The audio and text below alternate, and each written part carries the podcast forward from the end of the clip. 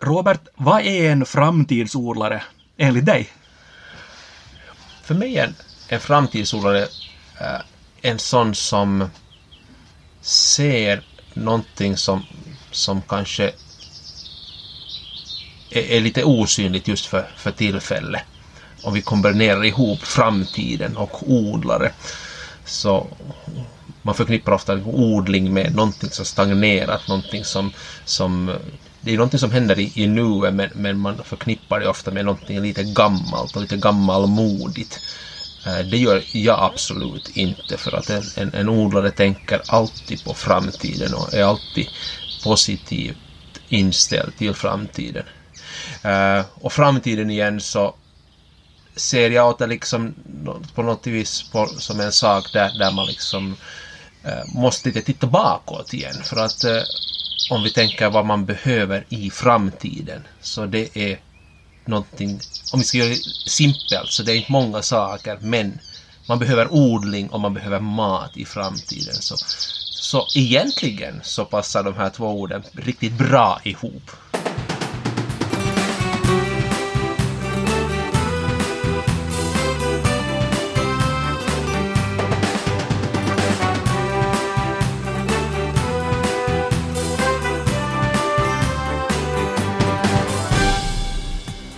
Då säger jag välkommen till en ny säsong av Framtidsodlarna, podden där jag, Jens Berg, reser runt i Svenskfinland för att ta reda på hur det framtida lantbruket kanske kommer att se ut en dag i Finland. Och i den här podden så är det odlarna själva som kommer till tals. Jag är endast en nyfiken samtalspartner. Det blir tio nya avsnitt i höst och jag kommer att göra besök i allt från Kronoby nedöver till i norr, ner längs österbottniska kusten och ut en sväng till Åland via åboländska skärgården och så Nyland där jag gör nedslag i allt från västra till östra Nyland. Och idag är jag i princip så långt österut man kan komma i Nyland. Jag är Lindkoski, Lappträsk och jag säger nu officiellt hej till Robert Judas. Hej och välkommen Jens! Tack! Det är jätteroligt att vara här. Vi sitter ute i din härliga trädgård. Fåglarna sjunger och jag hoppas att ni hör det i bakgrunden här också. Robert är alltså grundare och VD för prisbelönta Robbes lilla trädgård, en liten, säger jag här med citationstecken, med mina fingrar, trädgård som idag är i blickfången för stora multinationella teknikjättar. Trädgården kallas för Skandinaviens mest avancerade och metoderna som Robert använder här förutspås bli framtidens odlingsmetoder. Och vi ska komma tillbaks till det i, i det här avsnittet, men jag tänkte vi skulle börja med att backa bandet tillbaka lite grann med, med dig. Hur blev du intresserad av odling? Ja, för, för mig var det egentligen nog en, konstigt nog, en ganska lång process. Eh, vi är nu här på Gammelgård eh, och heter man Jorda så är från Lappträsk så, så har man troligtvis en jordabrukare och, och släkten har brukat jorden i, i hundratals år. Så, så jag är ju in, liksom, jag född i en, en jordbrukarfamilj så det har, det har liksom kommit på mig nog liksom oberoende om jag vill eller inte. Som, som, som ung så var jag överhuvudtaget inte intresserad av jordbruk. Det, det, liksom, det, det verkar förstås... Det, det, det eh, kombinerar jag alltid ihop med, med arbete och hårt arbete och långa, långa dagar. Eh, så, så då tänkte jag att då måste ju finnas något, något roligare här i, här i världen. Uh, och det, det, vet jag inte, kanske det finns någonting men, men sen så småningom så, så uh, blev det aktuellt med generationsväxling på gården och, och redan innan det så har jag liksom fått upp ögonen för växthusodling och, och växthusodling är inte liksom någon populär grej här i, i Östnyland. Men, men det verkade så mycket lättare igen bort från det där hårda arbetet. Så, så uh, den vägen har jag kommit in lite, lite liksom ett sent vaknande på sätt och vis mm. för min del. Och det var ungefär då för 20 år sedan du tog över?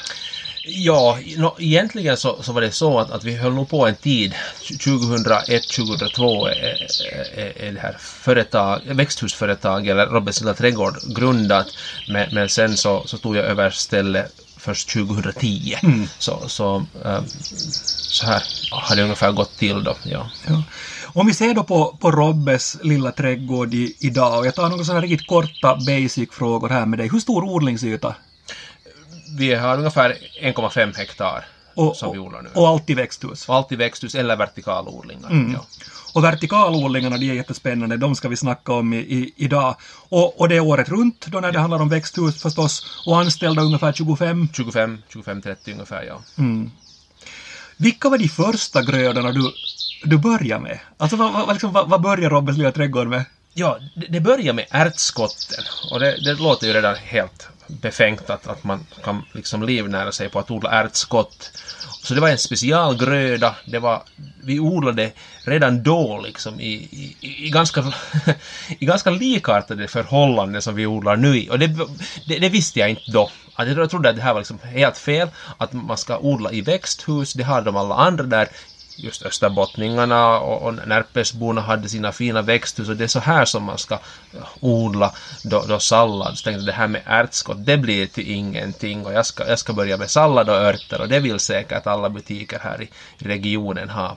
Men nej, det var inte så, utan det var just restaurangerna som ville ha våra skott. Det var lite speciellt. Det krävde liksom special eh, så vi redan då odlade vi faktiskt eh, första veckan alltid de här ärtskotten i flera våningar, i mörker då. Och sen odlade vi sista veckan in i, in i en hall under konstbelysning. Så redan då 2001-2002 så odlade vi på lite liknande sätt som vi odlar nu Ja. i vertikalodlingarna. Och ja, vi trodde att det här med, med, med ärtskotten, att det kanske, kanske går förbi, men det gick inte, utan det bara fortsatte, fortsatte och, det blev, och, och kunderna gillade våra varor. Man använde dem i massor av dem i, i restauranger och så. Och sen har vi efter det liksom ökat bara på sortimentet. Nu odlar vi mest issallad och, och basilika, koriander och andra örter. Men ärtskotten är väldigt viktiga och just nu så skulle jag säga nästan att, att det finns en liten sån här äh, äh, retrotrend bland ärtskotten, att de kommer tillbaka, Eh. också i finare restauranger. Plus det att man har liksom eh, fått upp ögonen för, för skottens äh, hälso eh, effekter. De är, de är väldigt näringsrika och innehåller proteiner och, och, och, och, och näringsämnen. Så det är väldigt, väldigt populärt. Men, men då om man ser på, på, på issalladen, på, på basilikan, på, på koriandern, ärtskotten, och hur, hur mycket går till, till, till matbutiker och hur mycket går till restauranger? Just nu så går nog största delen till matbutiker. Det, det blev nu så eh, i, i, fjol då efter hela, hela eh, coronaköret och, och det här så, så då, då flyttades fokus över till, till, till, till matbutiker. Så jag hoppas bara att liksom, restaurangerna kommer igen och att, att, att det liksom normaliseras. Vi ska börja glida över lite på teknik, det är också ofrånkomligt när jag, när jag besöker dig. Har du, har du alltid varit teknikintresserad? Nej, inte alls. Där, där, där har jag nog fått lära mig massor. För att det, det nu, nu för tiden i ett växthus så, så måste man liksom... Man, man, dels borde man vara en jäkla god agronom eller hortonom för att uh, kunna sin plantfysiologin. Och sen så borde man dessutom ha en, en gedigen ingenjörsutbildning um, inom då maskinteknik eller något liknande för att för det, det är massor med rackerier och, och, och det är massor med beslut och, och, och, och lösningar som man måste ta ställning till som, som odlare eller som, som, eh, som trädgårdsmästare.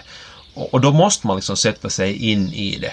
Och, då, då, och när vi pratar om teknik i ett växthus så det, det handlar om transportband och hissar och logistik. Det handlar om automation som styr den här eh, mekaniken. Det handlar om klimatstyrning som, som styr växthuset och bevattning och gödsling. Det handlar om belysning och det handlar om fotoner och det handlar om eh, eh, spektrum och, och, och blå färg och, och, och, och röd färg och, och, och, och gul och grön färg. Och sen handlar det om hela då växtfysiologi-biten. Så ja, man borde vara lite kemist dessutom. Så, så, så, så jag menar, det, att vara trädgårdsmästare, att, vara, att odla i, en, i ett växthus eller i, i, liksom inomhus nu för tiden. Så det, det, det, det kräver en... Det, det är väldigt brett det här området. Men varifrån tar du kunskapen då?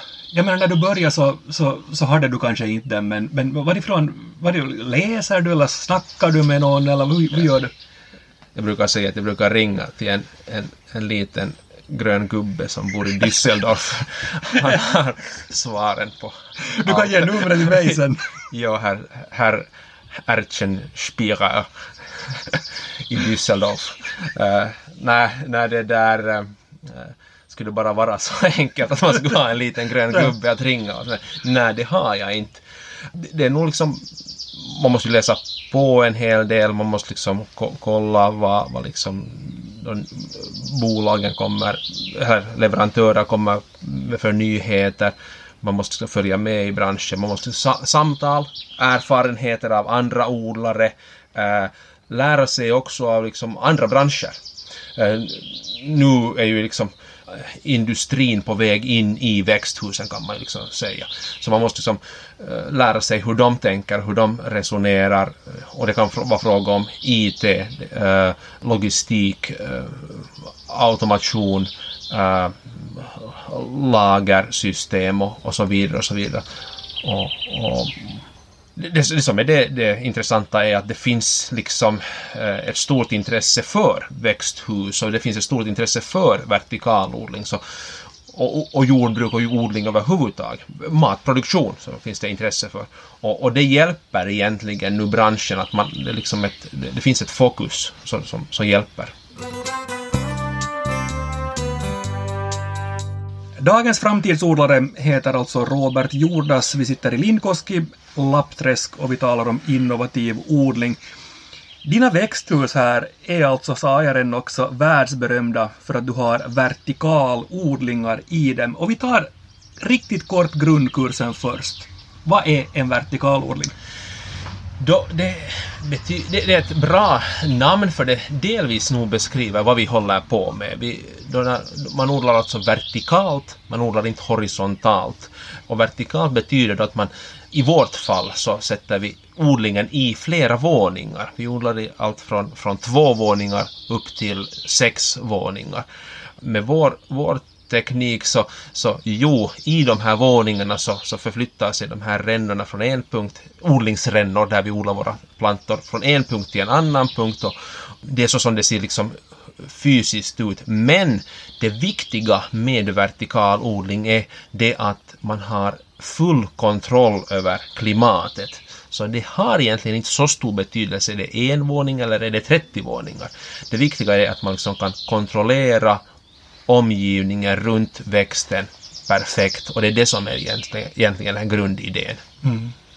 Och du sa här att, att, att egentligen när ni, när ni började med, med ärtskotterna för, för 20 år sedan så var det en form av vertikalodling. Mm. Men, men när fick du upp ögonen för, för den vertikalodling du har, du har nu, alltså den här storskaliga och, och, och den som, som du just beskrev?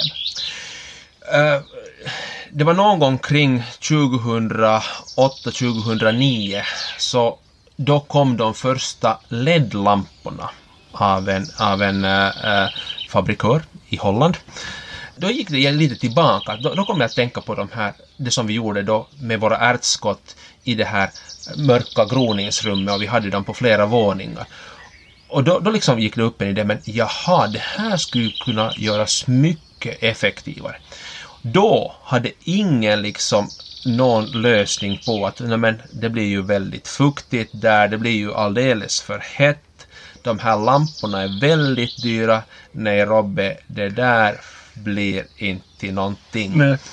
Jag blev ändå där och funderade på det. Det gick några år, vi började lite smått att testa. Men det gick ända fram till 2015 som vi bestämde att nu slutar vi att uh, räkna på, på Excel om det här är lönsamt eller inte, utan vi bara bygger en, en, en skapligt stor vertikalodling som, som i princip då enligt våra beräkningar skulle liksom kunna bära sig också ekonomiskt som ett litet, litet liksom örtföretag. Då kom vi igen in i liksom en, en sån här uh, grå, grå zon och liksom en, en lite oviss framtid. Att kommer det faktiskt att liksom bära sig? Kommer det att lyckas? Och kan vi ha, ha kontroll på klimatet? Och, och det roliga var att det, det, det lyckades. No, vi gjorde några misslyckanden mm. däremellan. Det var faktiskt så att vi, första grödan som vi odlade var, var basilika. Då hade vi helt fel spektrum på, på den våningens lampor. så den här basilikan börjar smaka diesel. så, så, Det var- inte så bra. Det liksom är helt fel. Och, och det där... Men sen, sen lärde vi oss, vi, vi lärde oss vilket spektrum vi ska använda, vi lärde oss hur man ska odla. Och nu kan vi igen säga att nu liksom får, får vi ut en starkare smak än i växthuset med vertikalodling, speciellt på örter. Vi får en bättre hållbarhet och en bättre kvali, kvalitet eh, och mera färg och så här. Så, så, så vi har ju lärt oss med, med, med, med den odlingen.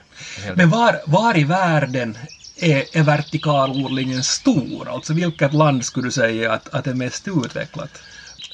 Mest utvecklat är den absolut i Finland för att där, där, där har man den, den, den, liksom, den redigaste tekniken. Eh, men det är en jäkla boom nu på gång i USA. Japan har alltid varit stora på vertikalodling. De har haft mera fokus på på, på sådana mi- mindre enheter, men de är, de är, de är noggranna och precisa, de, de är skickliga på det här med, med, med vertikalodling. Eh, men just nu så händer det massor med saker i USA, speciellt på, på östkusten, så det är flera företag som är, har jättestora satsningar på gång. Mm.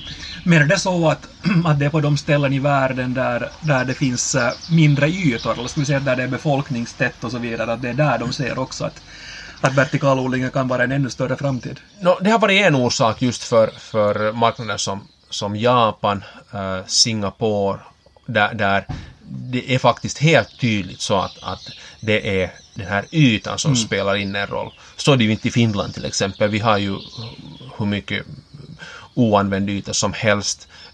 Det kanske inte heller gäller USA. I USA har det varit fokus på det här med lokala. Det som vi har pratat om här i, i Finland och i Norden, att man, man ska producera lokalt för att då, då det är eh, vettigt på, på många olika vis. I USA så, så av tradition så har man odlat Eh, salladen i Kalifornien, kanske lite i Arizona och i Mexiko och sedan har transporterat den flera, flera dagar sen då till, till östkustens stora städer. Och det här har man fått upp ögonen för att nu kan vi göra det på ett vettigare sätt. Om vi sen dyker in på, på det du sa om att kunna justera och, och nivåbestämma klimatet. Så vilka alla komponenter finns där? Alltså jag kan ju föreställa mig då att det handlar om temperatur och att det handlar om någon form av luftfuktighet kanske och eventuellt ljus. Men vilka alla delar finns där som man kan styra i en vertikalodling? De här tre som jag räknade upp antar jag. Ja, det stämmer. Helt uh, utöver det så ska du styra bevattningen, du ska styra eh, gödslingsnivån, uh, du ska styra ditt recept som du har uh, i din gödsling, du ska styra uh, uh, koldioxidnivån och dagslängden och sen ännu uh, ljusspektrumet. Du ska välja uh, vilken gröda du odlar och du ska välja vilket spektrum som den där grödan trivs bäst i. Och alla de här så, så, så det är liksom minimikraven för eh, en, en växt att, att växa överhuvudtaget. Och alla de här komponenterna, alla de här rörliga delarna, så ställer du in eller ställer ni in sen enligt, ska vi säga, försök och misstag, men enligt kanske någon grundformel. Ja, och ibland så, så är man tvungen att kompromissa lite. Till exempel med, man kan inte isolera alla små uh, växtpartier utan, utan då, då måste man liksom uh, hitta ett förhållande, en, en temperatur och en luftfuktighet som både passar kanske då basilika och timjan. Men, men, men där också så bara man bara har tillräckligt stora volymer av en, av en viss produkt så, så kan man nog liksom produktvist göra en sån här eh, klimatstyrning. Och de växer inte i vanlig mylla. De växer i, i, i torv blandad med mossa. Så vi använder eh, torv med mossa. Eh, men nej, det är inte vanlig mylla. Nej. Nej. Men det finns också, eller, eller yrar jag nu om det finns, om det finns också vertikalodlingar som, som odlas i vatten. Ja, men vanligtvis så startar de alltid från en, en liten eh, jordklump som, som innehåller to- torv eller så kan det vara någon syntetiskt eh, odlingsunderlag, så kan det vara sten, stenull Ja. eh, som, som den där början kommer ifrån. Ja. Det finns lite olika metoder och, och, och vi, vi använder torv just nu men vi, vi håller på och lite testar annat också.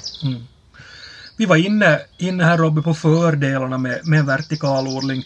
Jag måste fråga dig också om nackdelar, för jag kan föreställa mig att att, att de kan vara känsliga för, för tekniska störningar, elavbrott och så vidare.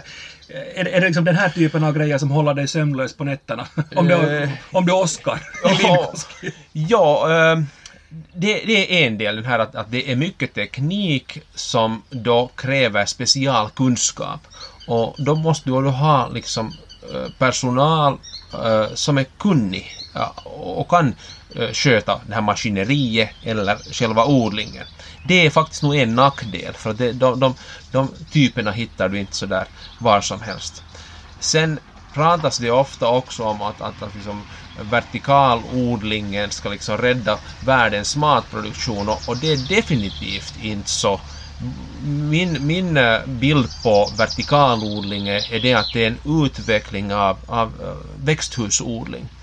Jo, bara för att man kan odla allt möjligt i en, i en vertikal odling eller utan solljus så betyder det inte att man ska göra det eller att det är lönsamt. Så, så det måste man alltid komma mm. ihåg. Om det finns bättre metoder så ska man inte odla det i, i, i en vertikalodling. En vertikalodling, en, en annan nackdel är det att, att, att man måste liksom beräkna noggrant hur mycket energi man använder för att odla en produkt och, och jämför alltid det med att men vad kostar det då om jag, eller hur mycket energi använder jag mm. i, en, i ett vanligt växthus eller sen kan man inte alltid riktigt jämföra med, med, med säsongsodling. Uh, jag tycker det är dåligt att man jämför vertikalodlingar med, med åkerproduktion eller, eller frilansgrönsaksproduktion. De har ingenting med, med varandra att göra egentligen.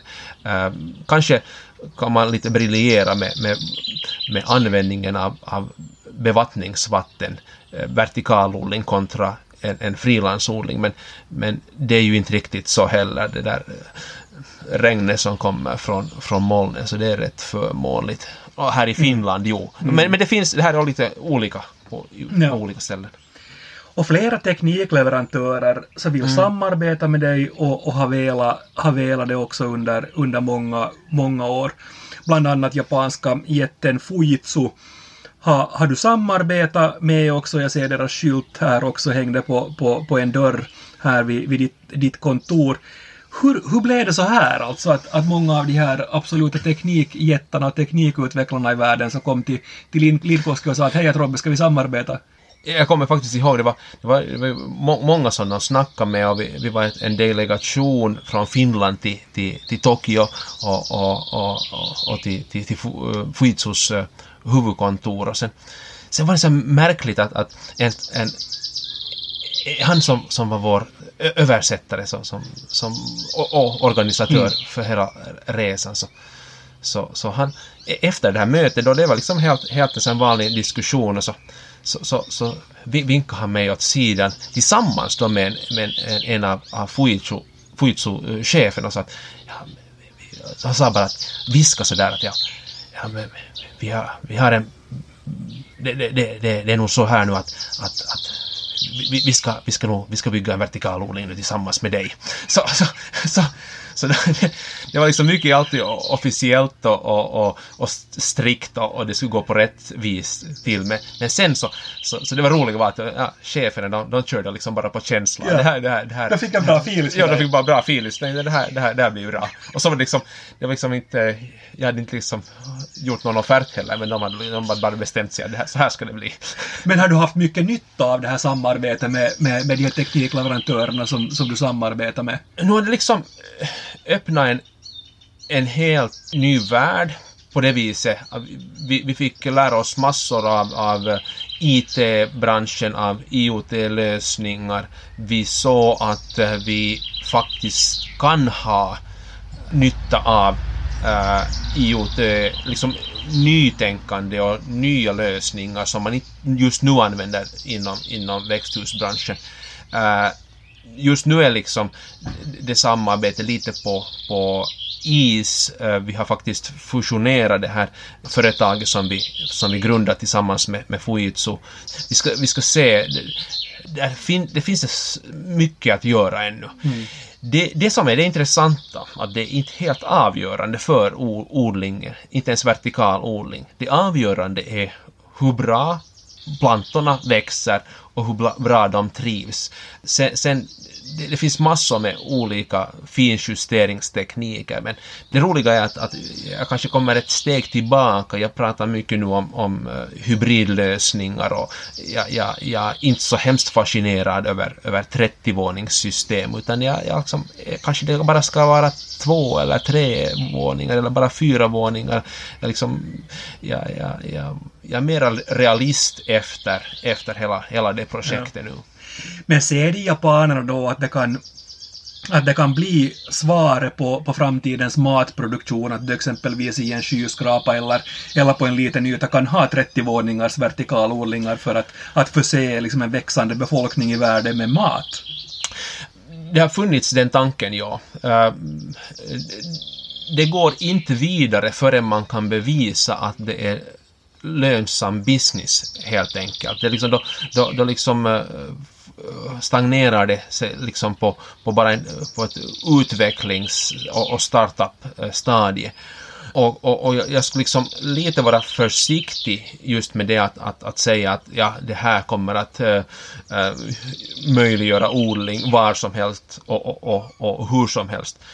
Och, och det, det, gör det, och det, det vet vi redan. Vi, vi, har, vi har odlat sallad och, och, tomater och gurka året runt i, i 30-40 år i Finland, där det överhuvudtaget är omöjligt att odla någonting. Det är bara det är kallt och mörkt. Och, men eh, till vilket pris alltså? Det, det, är det som är frågan. Att nu kan vi odla på, i skyskrapor, men till vilket pris? Mm. Och, och, och därför det, kommer det att vara så i framtiden att, att vi, vi behöver en väldigt diversifierad eh, produktion av mat. Vi, vi, vi, vi, vi måste liksom, det viktiga är att vi sköter om, om, om jorden som producerar mat. Alltså, och, och, och, och sen där det är omöjligt att annars, där jorden eh, inte ger den skörden som vi behöver, så då ska vi odla i växthus eller då ska vi odla i vertikalodlingar vi behöver alla odlingsinriktningar. Det, liksom, det, vi, nej, vi ska inte odla vete i vertikalodlingar, vi ska inte odla ris i vertikalodlingar. Sista frågan till, till dig Robbe. Du har, du har blivit prisbelönt för dina innovationer här och visst var det också så att dåvarande statsministern Juha Sipilä var, var, var här på besök? Ja, ja. ja Ganska coolt och mura grundstenen. Ja. Och och du har lyft fram då som en banbrytande pionjär och när jag har tittat på vad det du håller på med här så kan jag, så kan jag hålla, hålla med om att, om att det är en, en korrekt beskrivning av dig. Sista frågan då till, till dig, så varifrån tar du själv inspirationen att hela tiden våga och att hela tiden utveckla nytt och att testa och, och, och, och sådär? Jag tror det är en väldigt enkel sak när det eh, gäller mig. Jag, eh, då jag egentligen är eh, skådespelare. Så en grundförutsättning är det för att eh, kunna skapa någonting på scen är att du bejakar, att du faktiskt eh, tror på dig själv och att du tror och kan tänka positivt om omgivningen och det som du, du har kring dig, människorna omkring dig och, och, och världen omkring dig. Och, och då ser man möjligheter mer än, än liksom en, en brister och, och, och, och hinder i, i liksom på, på, sin väg framåt. Så jag tror att det, det är en, en sån liksom grundinställning som, som, som jag har i min utbildning blivit drillad till. Mm. Och, men jag tror att den är väldigt, väldigt som, jag säger inte alltid att den är så vettig eller hälsosam eller just den rätta eller klok. Men, men det är åtminstone en väg och det, det är liksom bara att gå med det då. Det är som man har. Tack Robert Jodas för att jag fick besöka dig här idag. Tack för att du kom. Och tack för att du lyssnade på det här avsnittet av Framtidsfrågorna. Det blir ett nytt avsnitt igen om två veckor. På återhörande då. Mitt namn är Jens Berg.